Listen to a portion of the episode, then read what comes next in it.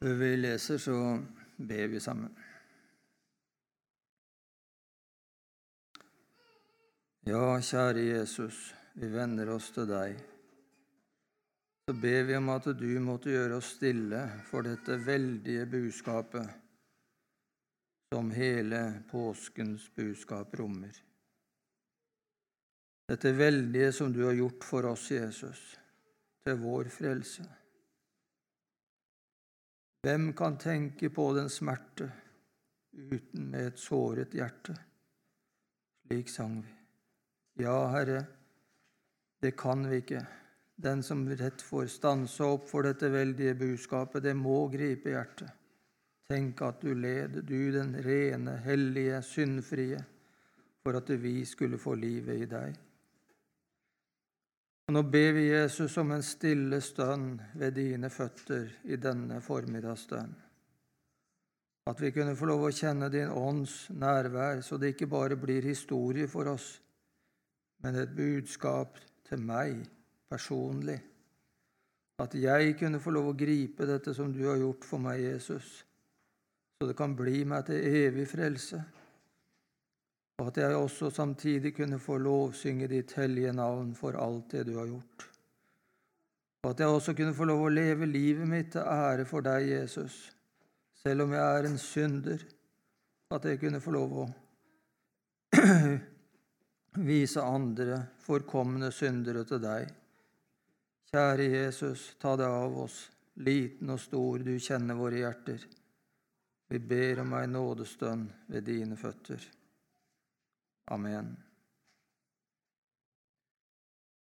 Ja, vi skal ikke lese dagens tekst i dag på palmesøndag, men jeg har blitt rolig for å ta fram Getsemane og Jesu kamp der. Og jeg tenker at sånn er det med så mange beretninger som er om påskens budskap like fra Jesus går inn i Getsemane og til han ånder ut på korset.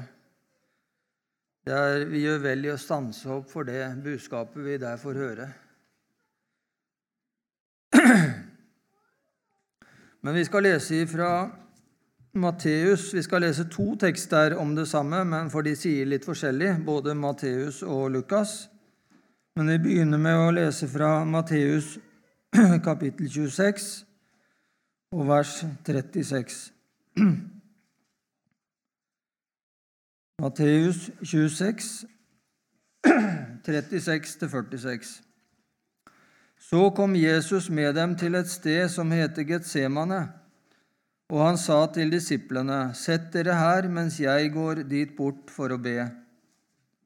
Han tok med seg Peter og de to CBDU-sønnene, og sorg og angst kom over ham. Da sier han til dem, Min sjel er bedrøvet inntil døden. Bli her og våk med meg. Og han gikk et lite stykke fram, falt på sitt ansikt og ba, Far, er det mulig, så la dette begeret gå meg forbi. Men ikke som jeg vil, bare som du vil. Han kommer tilbake til disiplene og finner dem sovende, og han sier til Peter, så var dere da ikke i stand til å våke én time med meg. Våk og be for at dere ikke må komme i fristelse. Ånden er villig, men kjødet er skrøpelig. Så gikk han bort og ba for andre gang. Min far, kan ikke dette begeret gå meg forbi uten at jeg må drikke det? Da skjer din vilje. Da han kom tilbake, fant han dem igjen sovende, for øynene deres var tunge av søvn. Og han lot dem være, og gikk igjen bort og ba for tredje gang med de samme ordene. Deretter kom han tilbake til disiplene og sa til dem, Se, timen er nær da menneskesønnen skal overgis i synderes hender. Stå opp, la oss gå, se, han er nær som forråder meg. Og så fra Lukas 22, 39 til 46.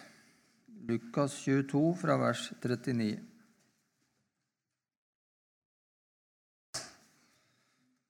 Og han gikk ut og dro til Oljeberget som han pleide, og disiplene fulgte med ham. Da han kom til stedet, sa han til dem, Be at dere ikke må komme i fristelse. Og han slet seg fra dem omtrent så langt som et steinkast. Der falt han på kne og ba og sa, Far, om du vil, så la dette begeret gå meg forbi, men la ikke min vilje skje, bare din. Da viste en engel fra himmelen seg for ham og styrket ham. Og han kom i dødsangst og ba enda mer inntrengende, og svetten hans ble som bloddråper som falt ned på jorden. Så sto han opp fra bønnen og kom til disiplene sine, og han fant dem sovende av bedrøvelse. Han sa til dem, Hvorfor sover dere? Stå opp og be om at dere ikke må komme i fristelse.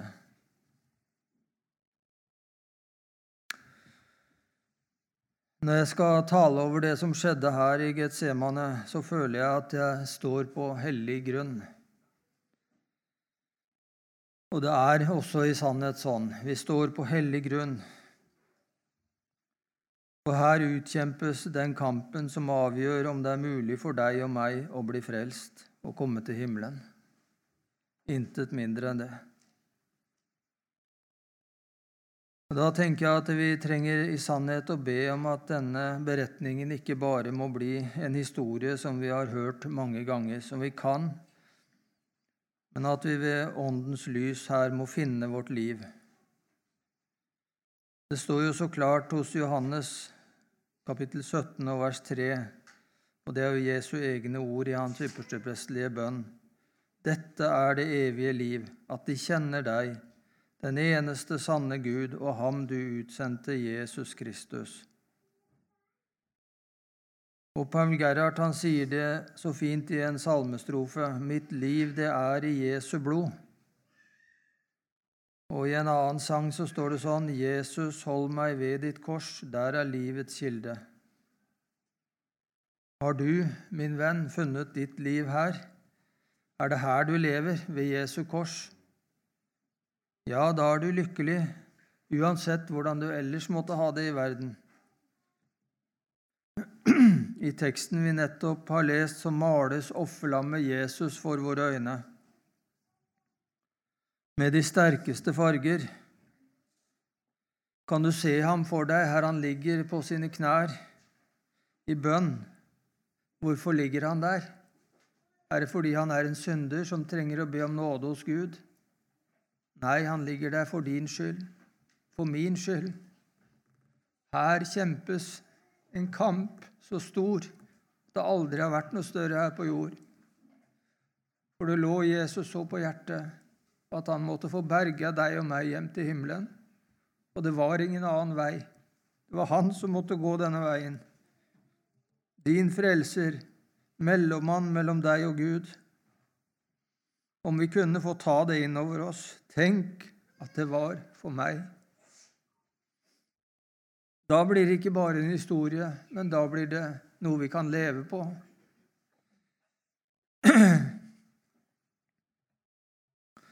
Det er natt til langfredag når Jesus ligger her, og bak ham så ligger påskemåltidet, innstiftelsen av nattverden, avskjedstalen og den ypperste prestelige bønnen. Og nå er det natt. Og det var nok også natt i Jesu hjerte. Nå skulle han inn i gudsforlatthetens mørke for deg og for meg. Vi vet at da Jesus ble døpt hos Johannes og sto opp etter dåpen, da var all verdens synd lagt på Jesus' skuldre. Da så Gud på Jesus som den eneste synde på jord. Din og min synd, all verdens synd, lå på ham fra den dagen. Og han bar den til Golgata. Nå er han i Getsemane,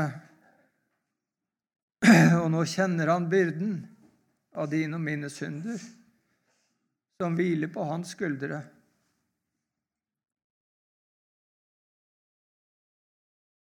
Og nå er Jesu tanker vendt mot Golgata, Som Guds egen sønn så veit han jo hva som skal skje det neste døgnet.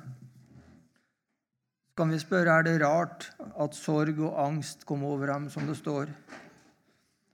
Jesus han var jo også et sant menneske og følte som et menneske, selv om han samtidig var Guds sønn.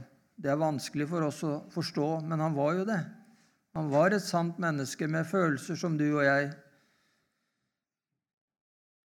Og Da sier en salmedikter det sånn Hvem kan tenke på den smerte uten med et såret hjerte? Om endog en synder led, men her led den evig høye. Smelt mitt hjerte, gråt mitt øye. Se, her lider hellighet. Og jeg tenker at når vi leser denne historien, da kunne vi få det inn over oss hele tida og si 'det var for meg'. Det var for meg. Det var for min skyld, alt det som skjedde med Jesus her.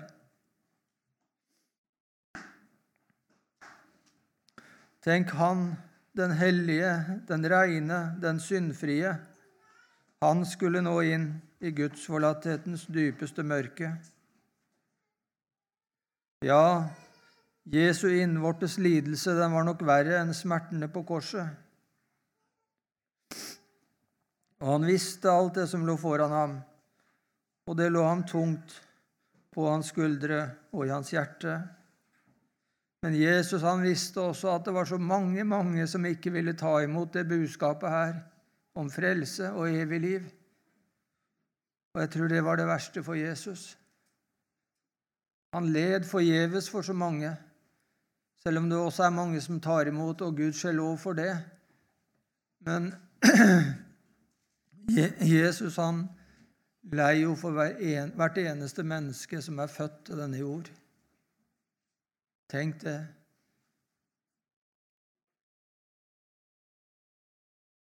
Her tok han med seg de tre nærmeste vennene sine, Peter, Jakob og Johannes. Han ville ha dem hos seg. De hadde også fått være med da Jesus var der oppe på berget og ble forklara for deres øyne. Nå tok han de samme disiplene med her inn i Getsemanehagen. De skulle være vitne til hans lidelse der inne, til hans sjelekamp. Men hvilken hjelp fikk Jesus av dem? Det står at de sovna, alle tre.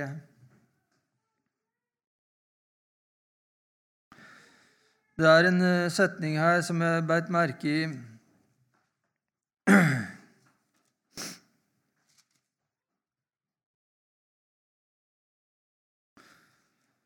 Det er Jesus som kommer tilbake til disiplene etter å ha bedt første gang.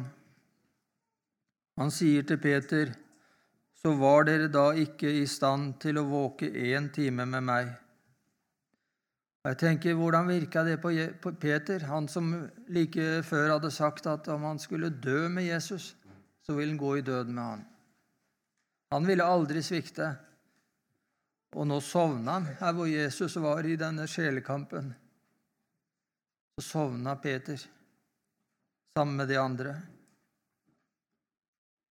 Jeg tenker at eh, Peter i ettertid har tenkt på denne, denne dette han fikk være med på her i Getsemane. Og Peter han lærte noe av det. Han lærte å ikke stole på seg sjøl, men bare stole på Jesus. Og Jesus sier videre her så var dere da ikke i stand til å våke én time med meg. Våk og be for at dere ikke må komme i fristelse. Og Da visste jo Jesus hvordan Peter litt seinere skulle fornekte Jesus tre ganger. Men Jesus han elsker Peter, og han elsker deg og meg som sitter her på møtet i dag, vi som hører budskapet om ham. Og han vil så gjerne at vi skal få komme hjem til himmelen en dag. Og derfor så lyder også ordet om Jesus som Frelseren også i dag. Og vi kan vel bare ane at Jesus her i Getsemane måtte utkjempe en grufull kamp Mot hvem? Mot Satan og hans ånde her. Og den kampen måtte Jesus kjempe alene. Helt alene. Men selv om alle de, de tre vennene sovna, så blir det også på en måte en trøst for oss at Jesus måtte utkjempe kampen helt alene. Derfor er også vår frelse så sikker, vår frelsesgrunn, for den grunner seg på Jesus alene, uten noen innblanding fra oss mennesker.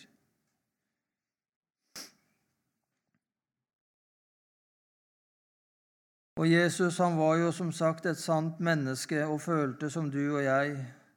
Og Derfor så følte han også det at det var godt å ha sine nærmeste rundt seg i denne grufulle natt. For i denne natt skulle Satan sette inn sitt siste stormangrep mot Jesus. Men nettopp derfor også var de tre disiplene her, fordi de skulle bli troverdige vitner om at Jesus virkelig var den lovede Messias, Guds sønn. Og det er mange ting vi har å lære her når vi leser om Jesus i Getsemane, ikke minst om bønn og utholdende bønn. For selv om Jesus kjente seg forlatt av Gud, så ba han fortrolig og tillitsfullt allikevel, slik han alltid hadde gjort. Og vi hører hvordan han ber. Første gang så står det her i vers 39.: Er det mulig, så la dette begeret gå meg forbi.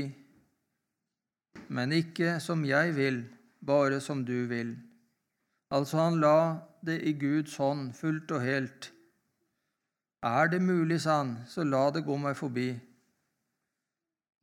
Men ikke som jeg vil, bare som du vil. Og Det skulle du og jeg også lære når vi er inne i forskjellige vanskeligheter og prøvelser. Ja, om det er aldri så vanskelig, så må vi be til Gud, og så må vi be skje din vilje. Jesus han la det helt og fullt over i Guds hånd. Og det skal du også få lov å gjøre, selv om Herren lar deg komme inn i store prøvelser selv om du kjenner at du ikke har krefter, og du kjenner kanskje på tvil og mismot som siger innover deg, alt er bare svart og håpløst, gi allikevel ikke opp. Lær av Jesus, legg din sak i Herrens hånd, gå inn i ditt lønnkammer og utøs ditt hjerte for Herren. Og jeg vil si, la for all del ikke Satan hindre deg fra å gå bønnens vei. Nei, du må inn i bønnekampen og lære av Jesus. Han ba ofte og lenge. Det står at han var hele natten i bønn flere ganger. Men så står det også i Hebreerne 5 Han har i sitt kjøds dage med sterkt skrik og tårer båret fram bønner og nødrop til ham som kunne frelse fra døden, og han ble bønnhørt for sin gudsfrykt. Og det sto jo også her hos Lukas at en engel fra himmelen kom og styrket ham da kampen ble hard. Og her lyder det til deg og meg, som det lød til Moses da han møtte Herren i den brennende tornebusk. Da hørte han disse ord ifra Herren, dra dine sko av føttene, for det stedet du står på, er hellig grunn. Og det er det også her i, i Getsemane. Hva er det kampen går ut på? Jo, det er intet mindre enn din og min frelse. For her kjemper Jesus, stedfortrederen i ditt og mitt sted. Han kjemper og lider ja, det står til og med at hans kamp blei så hard at han svetta blod. Så hard var kampen Jesus måtte inn i. Vi har en uh, salme i sangboka som handler om det, naglet til et kors på jorden.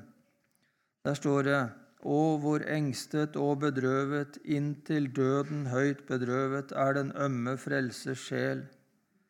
Vredens fulle beger drikke må han, skal han, ellers ikke, blir hans frelses kalk min del. Og Jesus, han var villig. Han tok kampen for deg og meg. Og gudskjelov, han vant også for deg og for meg.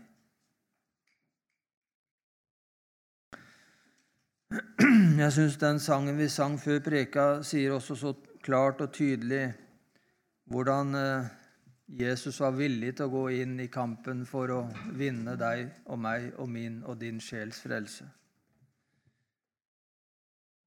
Jeg vet ikke om du la merke til det, men det, var, det er jo sånn at de tre første versa der, på 662, det skildrer en samtale mellom Gud og Faderen, vers 3 spesielt.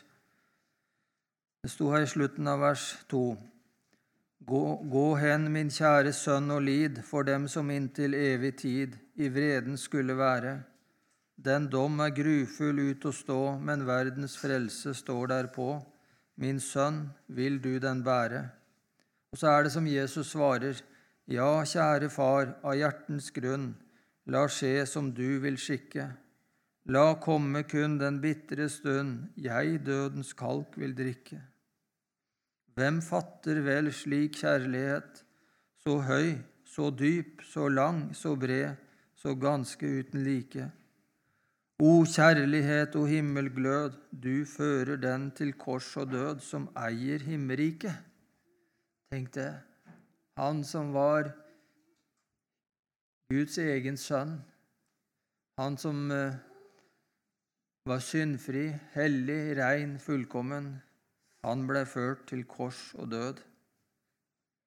Og Da bryter også Paul Gerhard ut i de to siste versa. Mitt hjerte vil jeg dag og natt med lengsel til deg vende. Hver time vil jeg deg, min skatt, med kjærlighet omspenne. Du er og blir mitt hjertes lyst, og når det brister i mitt bryst, skal du mitt hjerte være. I deg jeg ene roser meg, alt mitt, det vil jeg skjenke deg til evig, til eie og til ære. Din kjærlighet jeg natt og dag med frydesang skal prise, og helt til siste åndedrag mitt hjertes takk deg vise. Hver tanke, ord og gjerning skal i dine fotspors dype dal, som stille bekker inne og alt det du mot meg har gjort, jeg vil i hjertet prente stort, din død til evig minne. Sånn blir det for en som har fått se inn i evangeliet, som har fått se inn i frelsesverket, hva det er. Da skjer det her i hjertet, en trang etter å ville ære Jesus og leve til ære for Han. Og så blir det også sånn at eh, min frelsesgrunn den er ikke her inne den er i det Jesus har gjort alene. Og det får du hvile i, som ikke noe annet kan her i verden. Ja, da vil en i sannhet vie livet sitt til Jesus. Og så vil jeg si til deg som er her på møtet i dag, og du som hører på også, når du kommer for deg sjøl, så ta fram Bibelen og finn fram dette avsnittet om Getsemane. Les det, og les det om igjen. Be over det, så skal du få se hvor dyrt du er kjøpt. Og Samtidig så vil du også få se hvilken klippefast grunn du har å bygge på. Når tvilen kommer over deg, og du tenker 'Kan jeg da nå det skjønne land som snubler gang på gang?' så skal du få lov å se på Jesus. Han lå der og kjempa for deg, og han vant for deg. Du skal få lov å se at du har en grunn som holder i livet, i døden og i dommen. Din frelse den er brakt til veie av Jesus, og den skjenkes deg av bare nåde når du tar din tilflukt til det han har gjort.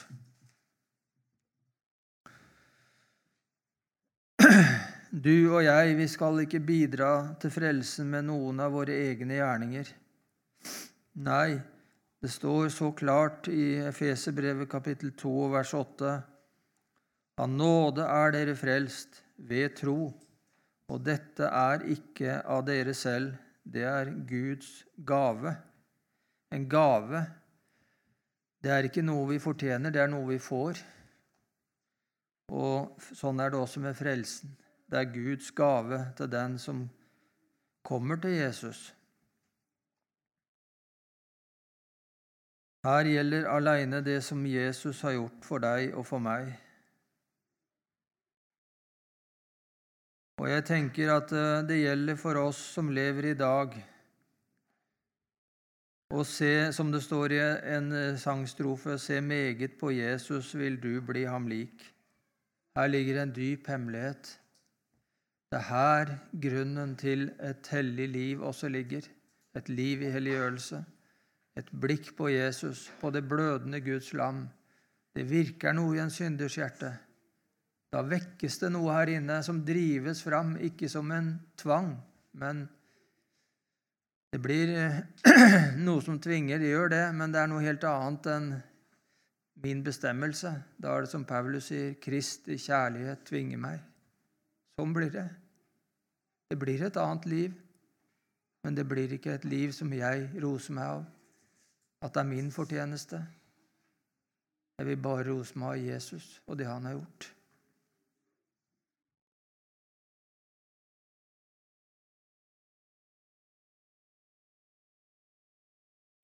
Da Jesus ropte ut på Golgata 'Det er fullbrakt', da var frelsen ferdig for en hel verden. Frelsen den var i det øyeblikk fullført for den største synde på jord, hvis han vil ta imot det Jesus har gjort. For det er sånn, og nå må du høre, det finnes ikke en eneste synd som ikke var med Jesus opp på korset, der på Golgata. Og når det går opp for oss, så kan vi si med sangen, Jeg er frelst, og for en nåde, nåde over nåde. Jeg er frelst, og hvilken gåte, nåde over nåde. Tenk, all min synd har Jesus sonet, til sin brud har han meg kronet. Jeg er frelst, og for en nåde, nåde over nåde. Men så ligger det også en forunderlig kraft i det å betrakte det som skjedde her i Getsemanehagen. De tre nærmeste vennene hans sovnet. Han vekket dem, står det, de, men de sovna igjen, og da lot han dem være. Første gang så lyder det så sårt fra Jesus så var dere da ikke i stand til å våke én time med meg. Jeg tenker For en smerte det må ha vært for Jesus. Han måtte stå der ganske aleine i kampen mot helvetes ånde her. Og Da skal vi legge merke til hvordan han ber tre ganger. Først så ber han om det er mulig å få slippe, men bare hvis Gud vil. Neste gang så ser det ut at han har lagt hele saken i Guds armer, og da faller han liksom mer til ro. Men leser vi hos Lukas, så ser det ut til at den største kampen kommer etter at Jesus har bedt første gang.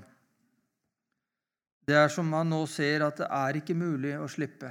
Han ba jo om det er mulig at han skulle få slippe. Men så er det som han ser at det er ikke mulig. Han må aleine ta straffen for hele menneskeslektens synd.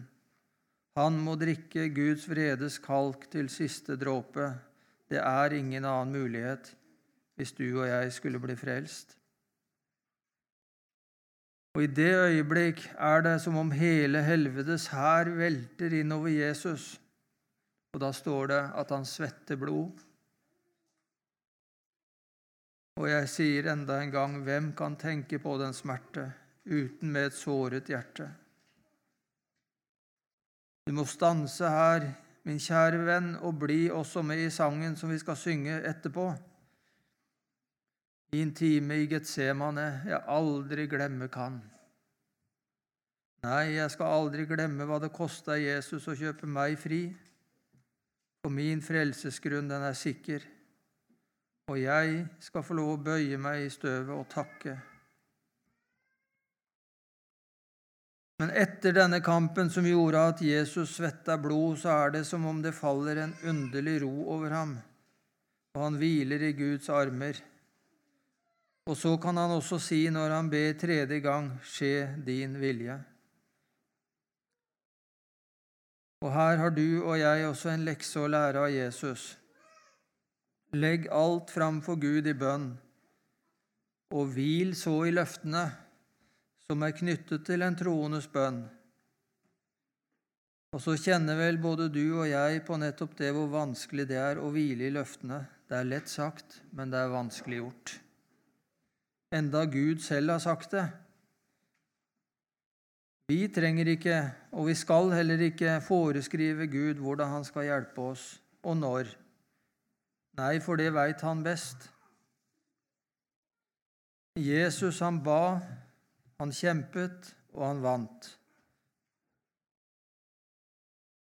Og nå må du høre, den seieren er din. Jesus' seier er din seier når du klynger deg til ham. Og når du ber i Jesu navn, så kan du også være sikker på bønnhørelse, for det har han selv sagt. Hva som helst dere ber Faderen om i mitt navn, det skal han gi dere. Og Skulle vi ikke da oppmuntre hverandre til å be i tro og være utholdende i bønn? Og Det er jo så mange steder i Bibelen vår som taler om bønnen, og alle de løftene som er knytta til den. Og et av de sterkeste det syns jeg vi finner i Filippebrevet 4 og vers 6-7. Vær ikke bekymret for noe, står det der, men la alle ting deres bønneemne komme fram for Gud i bønn og påkallelse med takk. Og Guds fred, som overgår all forstand, skal bevare deres hjerter og deres tanker i Kristus Jesus. Dette er en av perlene i Skriften, og det er mitt vers. Her har jeg vendt tilbake mange ganger, og jeg syns det er så godt å lese. Jeg skal få lov å slippe å se på meg sjøl og bli mismodig, men bare se på Jesus og tro Hans ord. Vær ikke bekymret for noe. Det er sterke ord.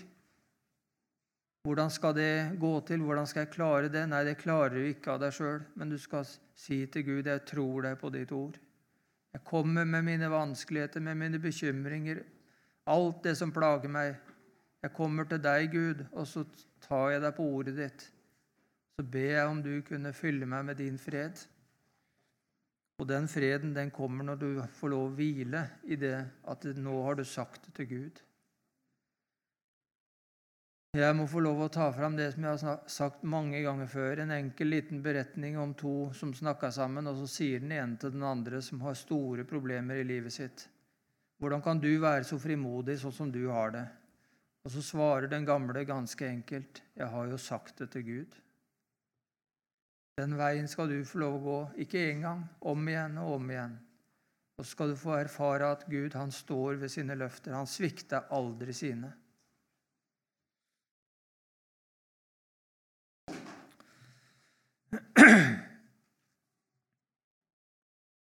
Og etter at Jesus har bedt tredje gang og overgitt seg helt i Guds hender, så kan han også seiersvis gå fienden i møte.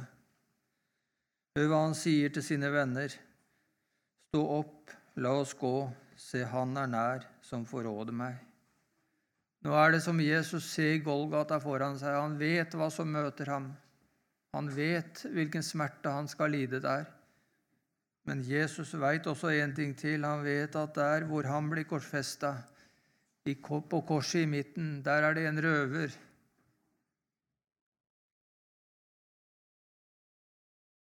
En på høyre og en på venstre. Den ene den vil forakte Jesus og håne ham, spotte ham og dø i sine synder. Den andre røveren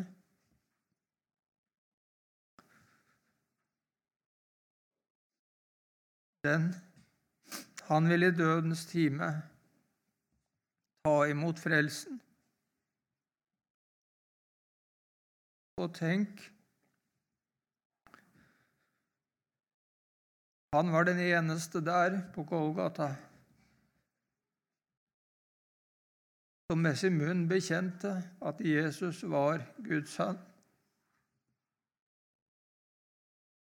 Men så fikk han også høre de ordene av Jesus, sannelig. I dag skal du være med meg i paradis. Han ba om en tanke fra Jesus. Kommer, Tenk på meg, sa han, når du kommer i ditt rike. Og så fikk han høre I dag skal du være med meg i paradis.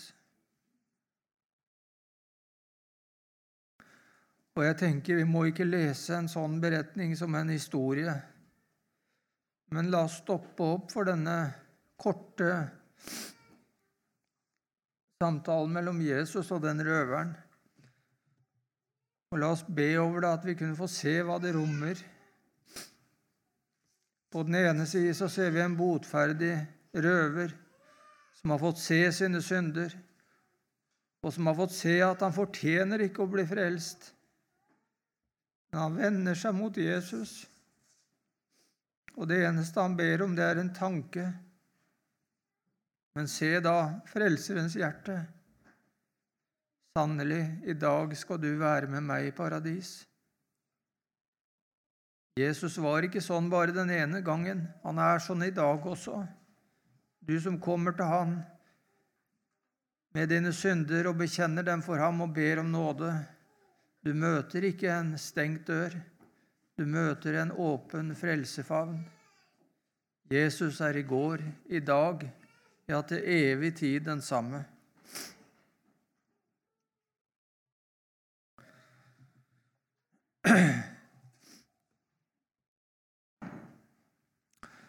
Så skal heller ikke vi frykte for de vanskeligheter som måtte ligge foran oss.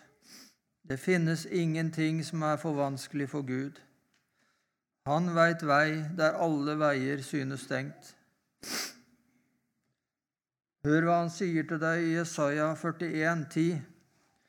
Frykt ikke, for jeg er med deg. Se deg ikke engstelig om, for jeg er din Gud. Jeg styrker deg og holder deg oppe med min rettferds høyre hånd.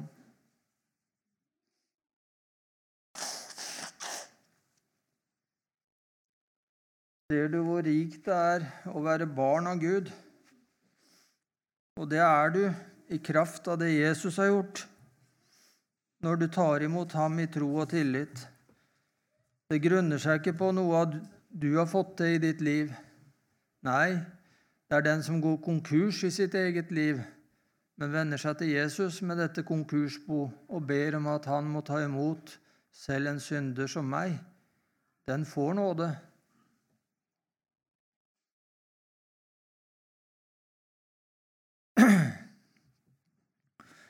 Og Jeg syns det står så fint også i et annet salmevers Så kom da hver som synd har gjort, og ei i synden finner hvile.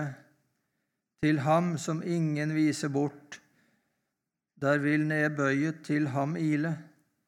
Hvorfor mon du omkomme vil, når han deg byder nåde til? Slipp syndens vei til Jesus se for han anammer syndere.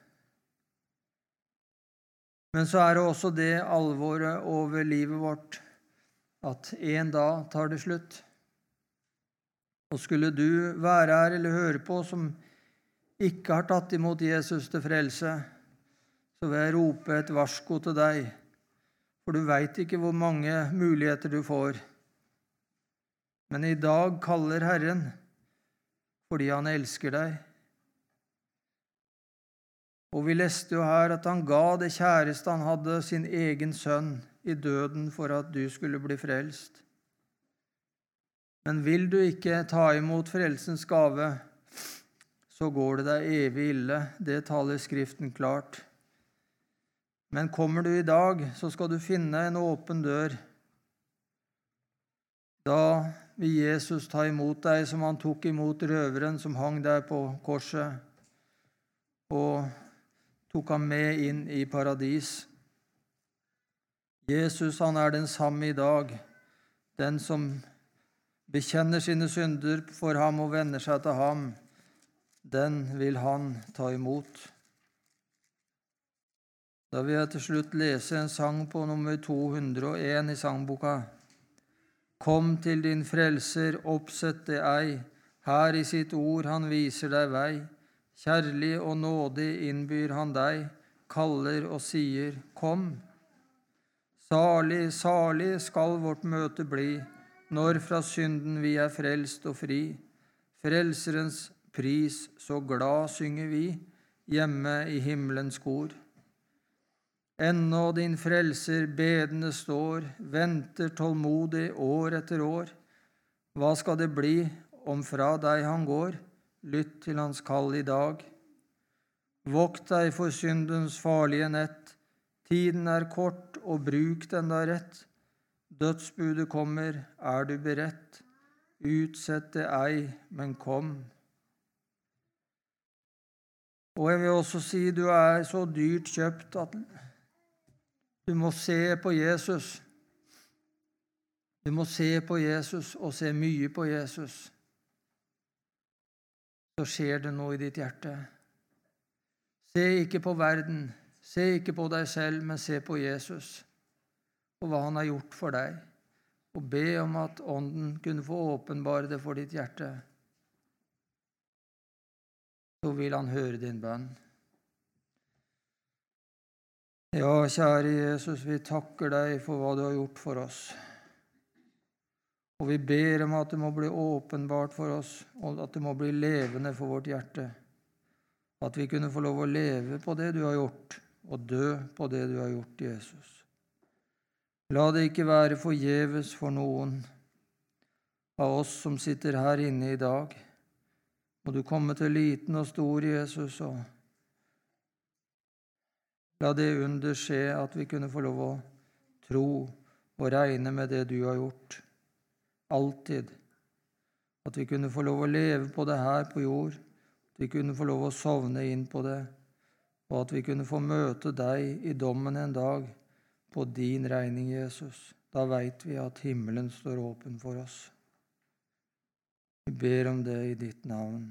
Amen.